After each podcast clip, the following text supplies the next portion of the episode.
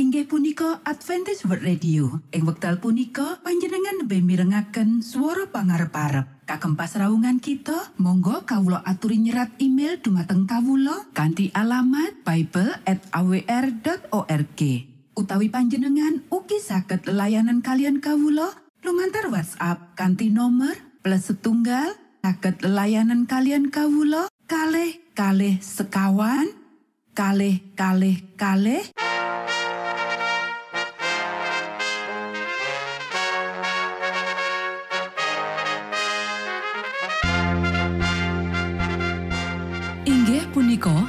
Adventist World Radio ingkang giaran kanti basa Jawi. Tentrem Rahayu kula aturaken kagem para mitra kinasih ing pundi papan lan panggonan. Sugeng pepanggian malih kalian Adventist World Radio. Kanti bingahing manah Kulo badi sesarengan kalian poro mitra kinasi. Lumantar saperangan adicara ingkang sampun rinonci. Mligi kagem panjenengan sami. Mugi giaran punika saged migunani tuwin dados berkah kagem kita sedoyo. Sugeng midhangetaken Gusti amberkahi.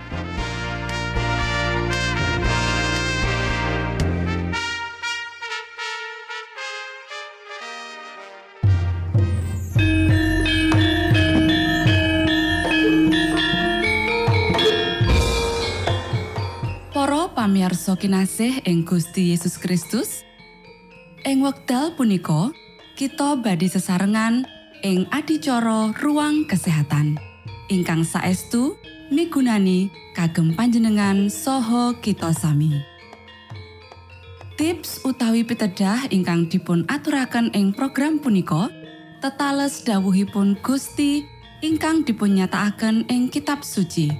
Semanten ugi sakehing seratan ingkang dipun wangsitaken dening Gusti Allah. Nanging saderengipun, monggo kita sami midhangetaken kidung pujian.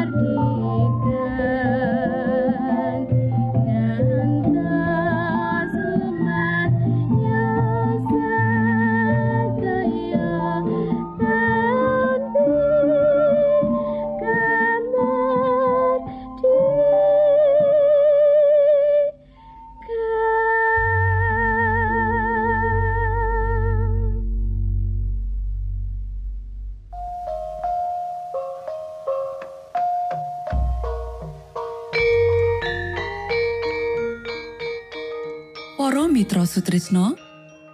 Puji syukur dumateng Gusti ingkang murbeng dumati ingkang sampun kepareng paring wewenngan kagem kita. Satemah saged nglajengaken ruang kesehatan. Pirembakan kita semangke kanthi irah-irahan. Pakarian Elia lan Yohanes Pembaptis sawijining tulodo.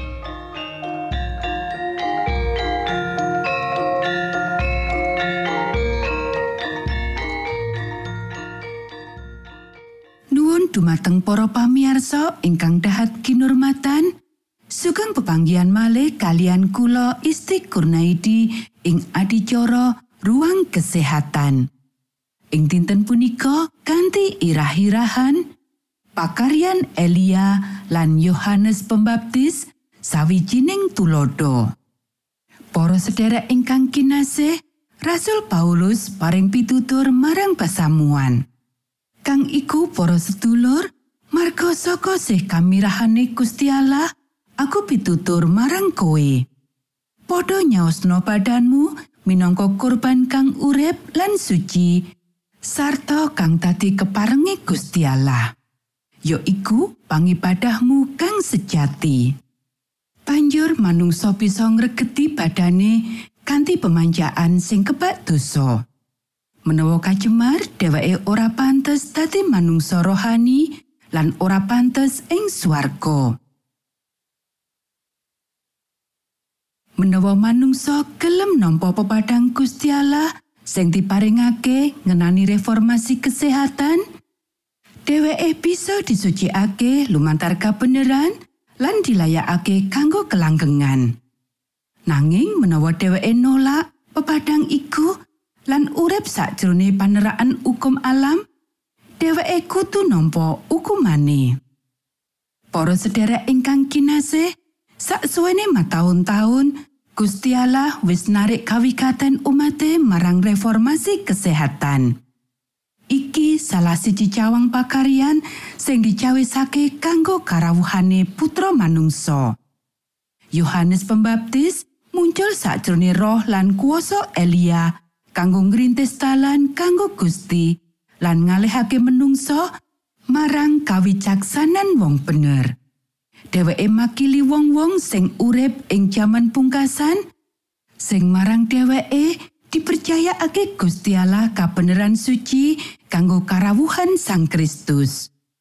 Yohanes ya iku sawijining reformator. Malaikat Gabriel sing diutus langsung saka swarga menehi keterangan ngenani reformasi kesehatan marang Romo lan ibune Yohanes. Dipangandikaake, menawa dheweke ora entuk ngombe anggur utawa omben-omben keras amarga dheweke bakal dikepaki sang roh suci wiwit laire Yohanes misahake diri saka kanca-kancane lan saka kabeh kasenengan urip kaprasajan sandangane ya iku jubah sing ditenun saka wulu onta dadi sawijining templakan kanggo kasombongan lan kamembahan imam-imam Yahudi lan wong-wong umume. Panganane ya iku sayur-sayuran, kacang-kacangan lan madu. Iku mujudake sawijining tapuan marang pemanjaan selera lan kerakusan sing ngombro-ombro ing ngendi-endi. Nabi Maleaki nyerat, Engson bakal ngutus Nabi Elia marang siro. iku bakal mbalekake atine para bapa marang anak-anake sarta atine para anak marang para bapake. Ing kene sang nabi njlentrehake sifat pakaryan iku. Kanggo wong-wong sing ngrintis dalan kanggo karawuhane sang Kristus kang kaping pindho sing diwakili dening Elia sing setya kaya dene Yohanes teka sakjroning roh Elia nyediakake dalan kanggo karawuhane sing sepisan. Para sederek ingkang kinasih, perkara reformasi iki kudu dibangkitake lan pikiran menungso kudu digugah. Pertarakan sakjroning kabeh bab kutune disambungake karo pekabaran iku, ya iku ngalihake ati umat Allah saka panyembahan prahala, saka kamurkan lan saka kasombongan nyandang lan liya-liyane. Matur nuwun, Gusti amberkahi.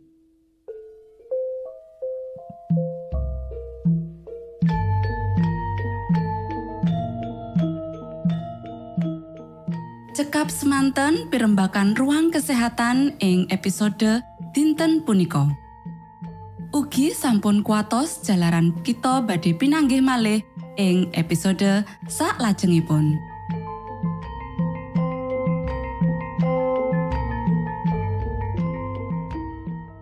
Inggih punika adicara ruang kesehatan.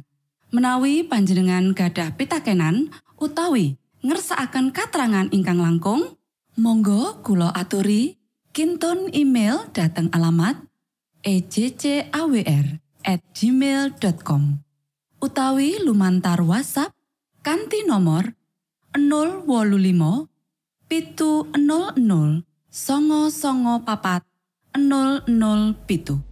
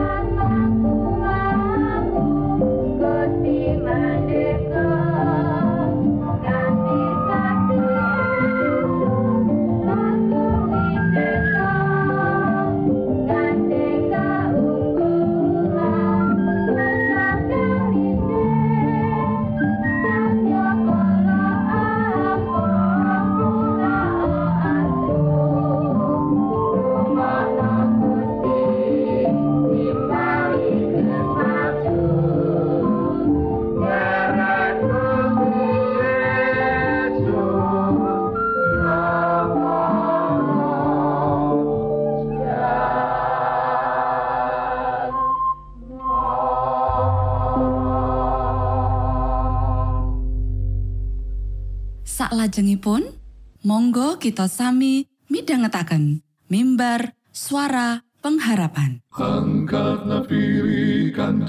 Pawarto Sang Kristus paderamu Pro umat samyo puji asmanyo Sang Kristus paderamu Inggih punika mimbar suara pengharapan. Ing episode punika kanthi irah-irahan. Esther lan Mordekai. Sugeng midhangetaken. tondo Sang Kristus paderamu ilmu kawero tambah lan tambah. Sang Kristus paderamu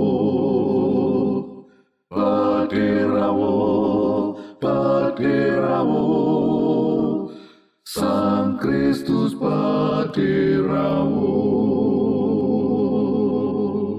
Shalom para pamiarsa ingkang kinasih wonten ing Gusti sakmenika kita badhe mitangetaken renungan Sabda pangandikanipun Gusti. Ing dinten punika kanthi irah-irahan Esther lan Mordekai. Para sedherek ingkang kinasih dawuh pangandikane Gusti ing kitab Yesaya pasal petang puluh songo ayat 6 yaiku Sira suntatekake pepadang tumrap para bangsa supaya karahayon kang saka ingsun iku tekano ing pungkasaning bumi. Para sedherek ingkang kinasih, salah sawijining catetan kang paling inspirasi saka kitab suci yaiku sawijining catetan babagan pelayanan lintas budaya bisa ditemokake ing kitab Esther. Saklawase ewonan taun, akeh banget kang katulis gegayutan karo kitab iki. Lan nganti saiki, akeh wong Yahudi ngrayakake perayaan Purim kang adhedhasar saka kitab Esther pasal songo ayat 16 nganti telung puluh siji. Para sedherek ingkang kinasih, Esther lan pamane Mordekai minangka wong Yahudi kang manggon ing kutha karajane Sang Prabu Persia, yaiku Susan. Apa wae alesane ora kaya wong para Yahudi liyane kang padha bali menyang Yehuda bebarengan karo kancane. Para wong iki manggon ing negara ing ngendi wong-wong iki katawan. Banjur saka maneka warna prastawa, pangreksane Gusti Allah, Esther dadi ratune Persia. Mordekai kang mupu hadasa yaiku Esther, anake Abihail pamane Mordekai, merga anak kuwi tanpa popo tanpa biyung. Nalika Esther, anake Abihail pamane Mordekai kang mupu Esther iku wis ndungkap gilirane marak marang ing ngarsane Sang Prabu, Esther mau ora njaluk apa-apa kajaba mung kang diprayogakake Hegai abdi dalem lurah kaputren. Dene Esther ndadekake reseping atine angger wong kang nyawang.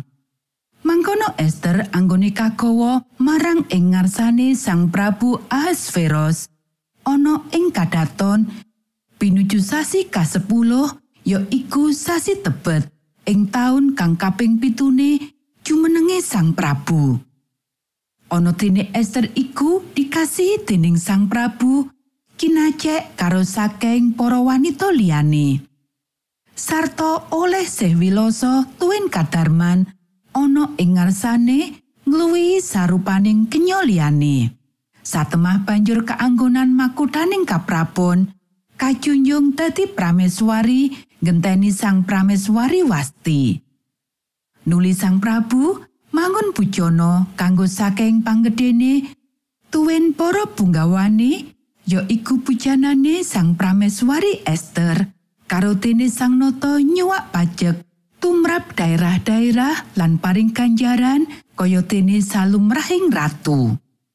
Esther pasal loro ayat 15 nganti wolulas. Para sederek ingkang kinasih, saka kadapuan iki, senau sorota kapeksa, Esther sanggup kanggo nglakoni dapuan pinunjul ing sajroning sejarah kitab suci. Kanthi cara nyeleneh, Ceritane iki nuduhake kepiye umating Gusti Allah malah jroning lingkungan kang monco bisa nyeksekake babagan kabeneran. Monggo kita sami ndedonga. Duh Rama kawula ingkang wonten ing swarga, asma patuko mugi kasucikaken. Kraton patuko mugi rawuh. Karso patuko mugi kalampahan wonten ing bumi kados dene wonten ing swarga. Kawula mugi kaparingan rejeki kawula sak cekapipun ing dinten punika. Saha patuko mugi ngapunten kalepatan kawula kados dene kawula inggih ngapunteni tetiang ingkang kalepatan dhateng kawula. Punapa dene kawula mugi sampun ngantos katantukaken dhateng ing panggoda nanging mugi sami patuko uwalaken saking piawon. Awit dene patuko ingkang kagungan kraton saha wisesa tuen kamulyan salami laminipun. Amin.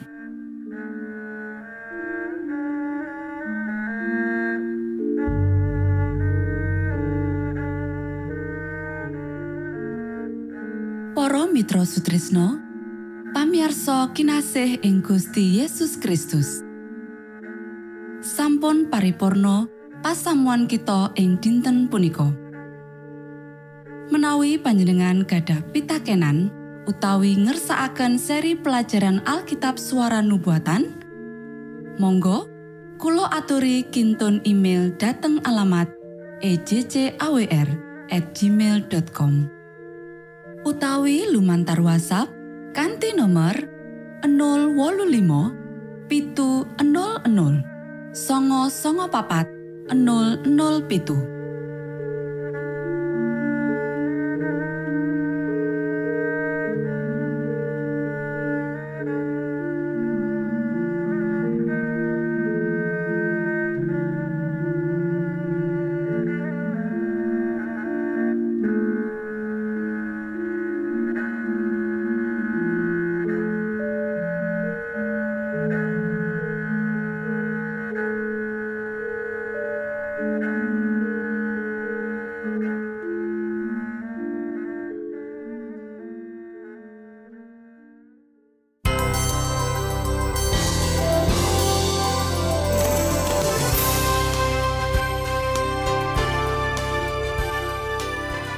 Matur nuwun kagem wektalipun kita badhe pinanggih malih ing gelombang ugi wekdal ingkang sami. Saking studio kula ngaturaken tentrem rahayu. Gusti amberkahi kita sedaya. Maranata.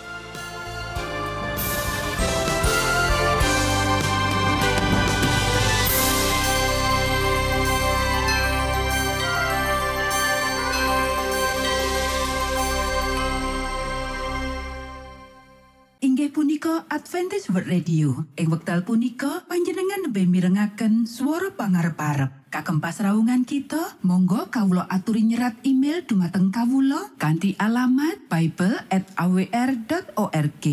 Utawi panjenengan ugi saged layanan kalian kawula lumantar WhatsApp kanthi nomor plus setunggal saged layanan kalian kawula kalih kalih sekawan kalih kalih kalih